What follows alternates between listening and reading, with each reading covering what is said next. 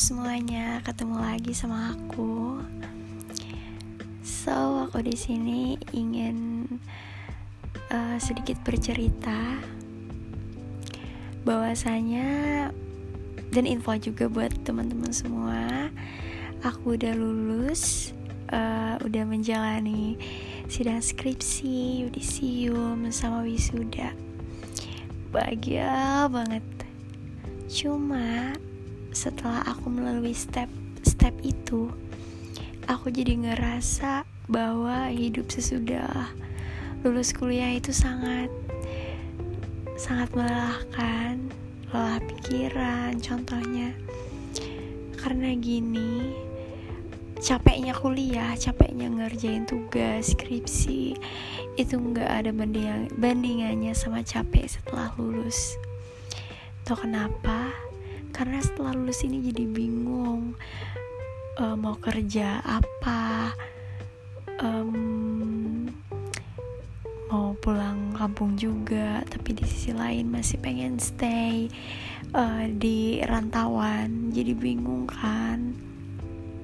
Terus kalau masih stay di perantauan kerja apa? Itu tuh membuat bingung banget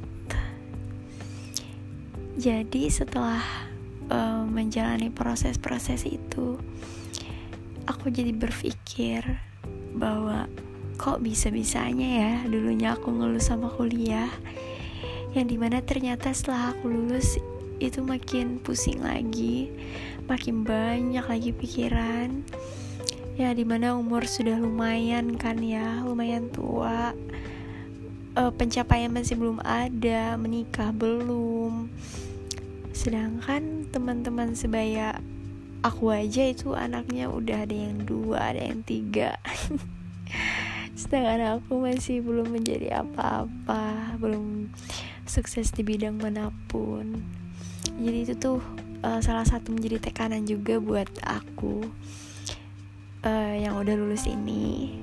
Dan juga sekarang aku masih nganggur. Bingung banget mau kerja apa uh, kadang ada aja uh, tawaran kerja. Tapi kan kalian juga tahu ya apalagi kayak um, yang masih kayak aku ini masih banyak kebutuhan.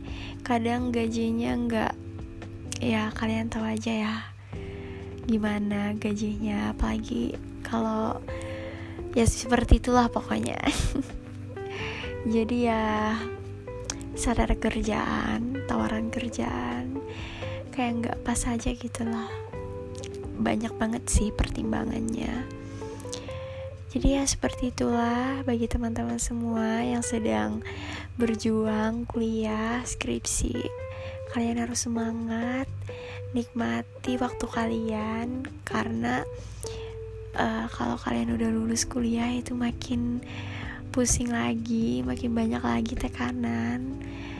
Jadi buat kalian yang sedang di step kuliah dan skripsi nikmati harus enjoy. Oke? Okay? mungkin segini aja kali ya curhatan aku malam ini. Semoga kita bertemu lagi uh, di podcast aku yang selanjutnya. Bye bye